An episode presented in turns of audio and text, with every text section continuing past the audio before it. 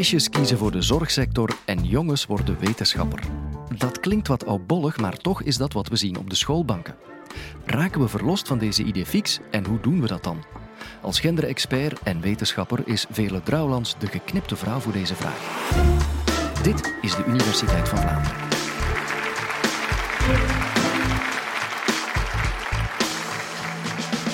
Moeten we meisjes verplichten om een stemrichting te volgen?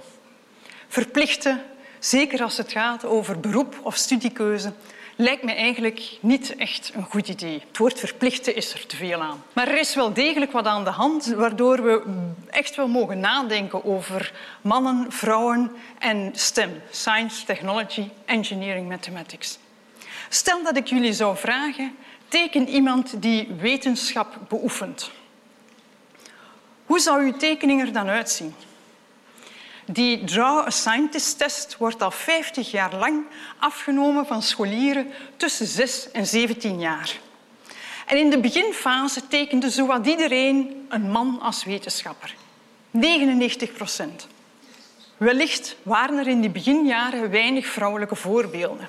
Maar ondertussen zijn de tijden veranderd en hebben we heel wat vrouwen die actief zijn als ingenieur of als wetenschapper. En natuurlijk stelt zich dan de vraag wie verschijnt er vandaag op die tekeningen van de middelbare scholieren? Een bekende collega sociaal psychologie uit de US, Alice Eakley, die onderzocht met haar team 50 jaar tekeningen van scholieren, teken een wetenschapper. En de resultaten daarvan zijn gepubliceerd in december 2018. Leg je al die tekeningen van die 50 jaar op een grote stapel, dan blijkt dat de tekeningen van de mannen zeer consistent zijn. In de beginfase tekenden ze een man en vandaag tekent nog altijd 96 procent ook een man. Bij de meisjes is er evolutie. In het begin meestal een man, maar vandaag tekenen ongeveer 48 procent van de meisjes een vrouw. Een zesjarige tekent iemand van zijn eigen of haar eigen geslacht. Misschien is de notie wetenschapper voor een zesjarige nog wat vaag, maar duidelijk nog niet beladen met genderstereotypen. En voor mij het meest merkwaardige zit er in de evolutie in de tekeningen van de meisjes. Rond de leeftijd van tien of elf wijzigt het geslacht op de tekening van heel wat meisjes van vrouw naar man. En bij de 16-jarige meisjes tekent 75 procent een man als wetenschapper. Dus op het moment waarop de vraag zich begint te stellen wat ga ik later studeren, voor welk beroep wil ik later gaan, is die associatie tussen man en wetenschapper heel sterk verankerd in de hoofden van zowel de jongens als de meisjes. Tekeningen zijn de realiteit niet, dus stelt zich de vraag moeten we meisjes dan stimuleren, verplichten om voor een stemrichting te kiezen? En zo ja, waarom zouden we dat doen? Het is duidelijk dat de arbeidsmarkt schreeuwt om werkkrachten met een stemprofiel. Maar is die krapte op de arbeidsmarkt een voldoende argument om meisjes te verplichten in die richting? In elk geval heeft de Vlaamse overheid beslist om een stimuleringsbeleid richting STEM uit te werken met een heus STEM-actieplan 2012-2020. En in juli 2019 verscheen er een uh, zeer opgetogen persbericht van het kabinet van de, het Vlaams ministerie van Onderwijs met de melding dat er progressie gemaakt was. Op acht jaar tijd was het percentage meisjes in de derde graad van het middelbaar onderwijs in stemrichtingen gestegen van 27 naar 31 procent. Vooruitgang. Tweede positief nieuws heel wat van die groep meisjes kiest effectief voor een stemrichting op het moment dat ze doorgaan naar het hoger onderwijs. Nochtans stond er ook in hetzelfde persbericht dat er grote verschillen zijn in de verschillende studierichtingen, waarvoor jonge vrouwen dan uiteindelijk kiezen, één keer als ze naar het hoger onderwijs gaan. Is dat allemaal inderdaad goed nieuws? Wel, als we gaan kijken naar die instroomcijfers in het hoger onderwijs, dan zien we inderdaad grote verschillen in die stemrichtingen. De gele lijn die u nu ziet, is het gemiddelde van de instromende, zeg maar eerstejaars vrouwelijke studenten bij ons aan de KU Leuven. Het is net iets boven of onder 50 procent. Het is een lange termijnanalyse, dat ziet u ook. En daaruit blijkt, ik ga u nu een aantal richtingen tonen rond stem. De grootste hindernis voor de instroom voor meisjes in STEM zit bij de richting informatica. 10 procent en daar geraakt men moeilijk boven. Fysica, ook grote hinderpaal. Ooit waren er 25 procent meisjes in het eerste jaar fysica en dat is gezakt naar 17 procent. De ingenieursfaculteit doet zeer veel moeite om via allerhande activiteiten mensen te stimuleren, jonge vrouwen te stimuleren, te kiezen voor een ingenieursopleiding, maar geraakt amper boven de 20 procent.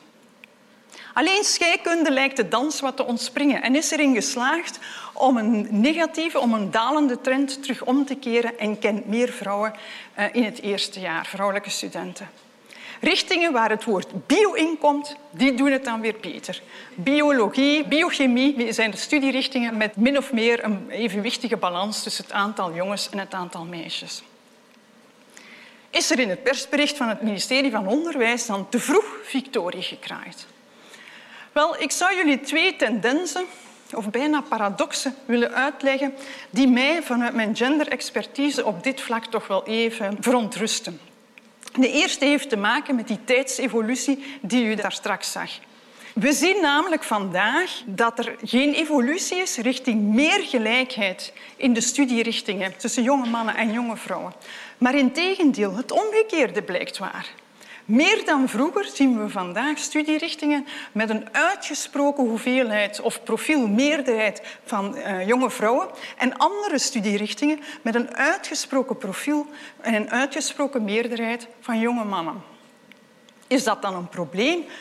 In elk geval maakt het om te functioneren als sterke minderheid in een uitgesproken meerderheid het niet gemakkelijker om in zo'n groep te functioneren. Want die minderheidspositie die geeft je heel veel zichtbaarheid, gewild of ongewild. En die zichtbaarheid die heeft soms voordelen, maar heel vaak ook nadelen en daarmee moet je leren omgaan. Je zal maar tot dat minigroepje jongens behoren in het eerste jaar pedagogische wetenschappen of uh, audiologie bijvoorbeeld, of tot het minigroepje meisjes onder de ICT'ers. Altijd val je op. Zelfs als je niets zegt of niets doet. Je valt op door die minderheidsstatus. En het vreemde is dat die evolutie richting studierichtingen met meer meisjes of studierichtingen met meer jongens, dat die toeneemt net op het moment waarop we inhoudelijk meer dan ooit aandacht geven voor gendervraagstukken in onderwijs en in onderzoek.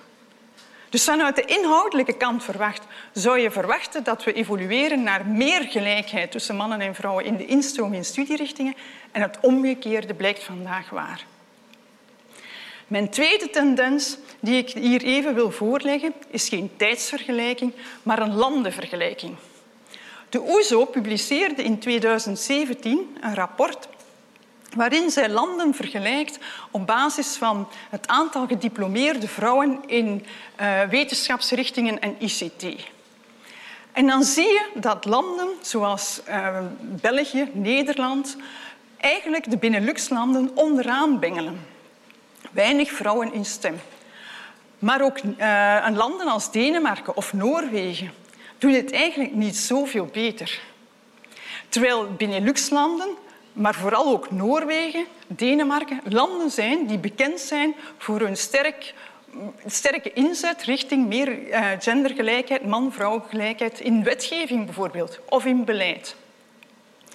Omgekeerd zien we dat in landen als Maleisië of als bijvoorbeeld uh, India 45 procent van die afgestudeerde ICT'ers vrouw is.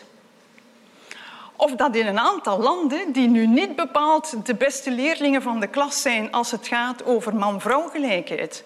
Denk ik aan Iran, Oman, Saoedi-Arabië, de Emiraten. Meer dan de helft van de afgestudeerden in wetenschappen in die landen is vrouw.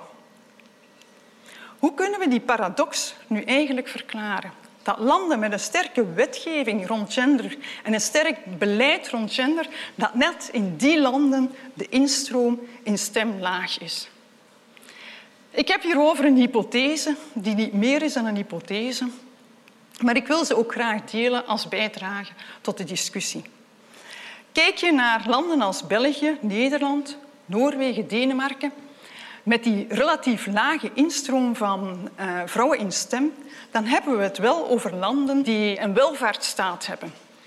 Landen ook waar een relatief hoog gemiddeld inkomen per inwoner is, zeker in vergelijking met andere landen wereldwijd. En het eigene van welvaartsstaten is dat de gemeenschap, de staat, eigenlijk zorgt, uh, finaliter zorgt voor basisnoden van mensen.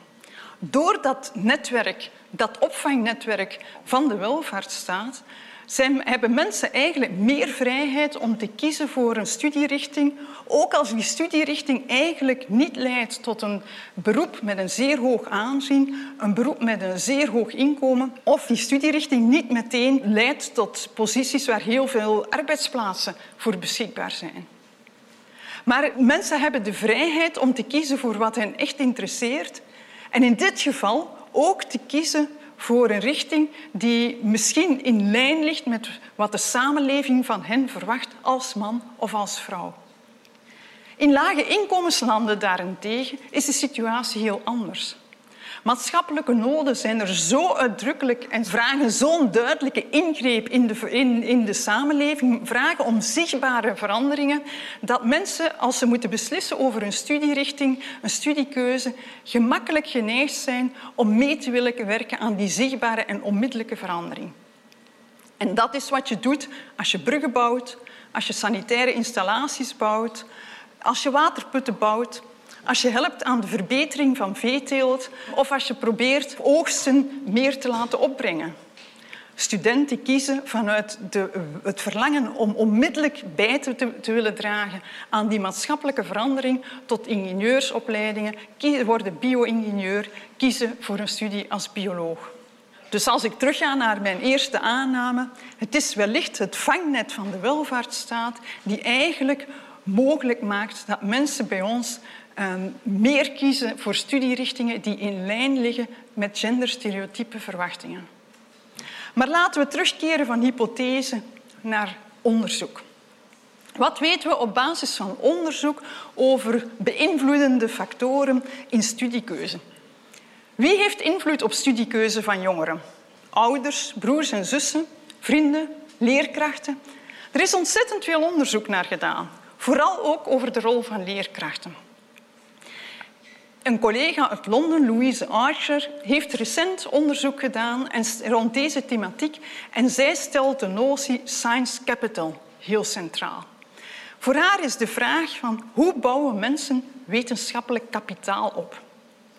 Hoe komt het dat iemand geweldig gefascineerd geraakt door een, uh, een wetenschappelijke vraag, terwijl iemand anders meteen zegt vanuit een soort koudwatervrees wetenschappen, ik moet er niks van hebben. Fysica, Niks voor mij.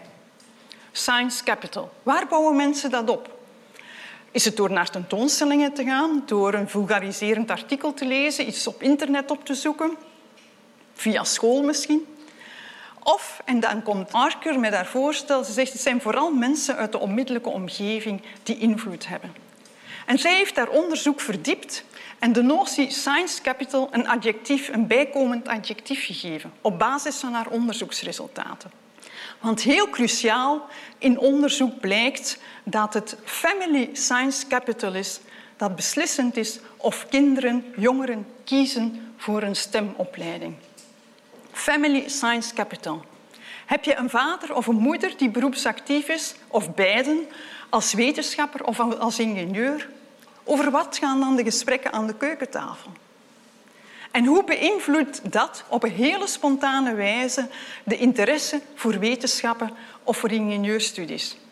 Nemen je ouders je mee naar een bedrijfsbezoek en vertellen ze je op een heel eenvoudige manier hoe bijvoorbeeld een motor of een toestel dat je ziet werkt. Family Science Capital. Arker onderzocht, bevroeg via een enquête 1700 studenten uit het middelbaar onderwijs in de UK over dit thema. En ze klassificeerden deze studenten, ze deelden ze in in drie groepen. Low Science Capital, Medium Science Capital, High Science Capital. 5% van die 1700 bleken tot de High Science Capital groep te behoren. Meer jongens dan meisjes en vooral jongeren uit welgestelde gezinnen. Opvallend heel opvallend, van de 92 meisjes in die hele groep die tot de High Family Science Capital groep behoorden, was er 60% die opgroeide in een familie met een hoog Family Science Capital. Via ouders, eventueel via uh, broers of zussen. Trouwens, van de notie Family Science Capital gesproken.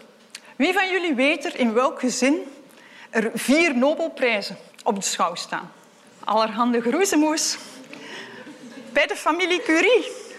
Familie Curie, Marie Curie, Pierre Curie, hun dochters en schoonzonen. Vader, moeder, dochters, schoonzonen. Vier Nobelprijzen. De biografie van Marie Curie leert trouwens hoe Family Science Capital ook voor haar belangrijk was. Haar moeder was directrice van een middelbare school in Polen. En haar vader was leraar fysica en chemie. Dus die notie Family Science Capital is ook voor haar uh, erg op, van toepassing. Het is heel belangrijk, het is echt van ontzettend groot belang dat we inspirerende verhalen, zoals die biografie van Marie Curie, meer vertellen. En ik zou er andere kunnen naastleggen, maar dat is iets voor een ander college. Waarom moeten we die inspirerende verhalen vertellen? Wel, ze kunnen in elk geval aan vrouwen duidelijk maken dat wetenschap of een ingenieursopleiding mogelijk iets, ook iets is voor hem. Moeten we dan vrouwen verplichten om te kiezen voor een stemrichting? Dat gaat mij uiteraard een stap te ver. Stimuleren, ja. Verplichten, nee. Maar als we dan zo nodig vrouwen gaan stimuleren of jonge vrouwen zouden stimuleren richting stem, laten we dan ook de keerzijde van die medaille bekijken. En laten we dan ook even aandacht vestigen op die andere knelpuntberoepen, namelijk de zorg. Waarom liggen wij en ligt het de bedrijfswereld wakker en de politiek van het tekort aan vrouwen in stemrichtingen? Maar waarom vragen zo weinig mensen zich af waar de mannen in de zorgsector blijven? Stel dat ik jullie zou gevraagd hebben, teken iemand die verpleegkunde werkt als verpleegkundige of teken iemand die werkt als zorgkundige. Wie zou dan op jullie tekening staan? Zo, die zorgkundigen en wetenschappers zijn vakkundig uit hun hokjes getrokken. Aan hokjes denken doen wij in geen geval. De volgende podcast staat al voor je klaar, los van leeftijd of gender. Waar wacht je nog op?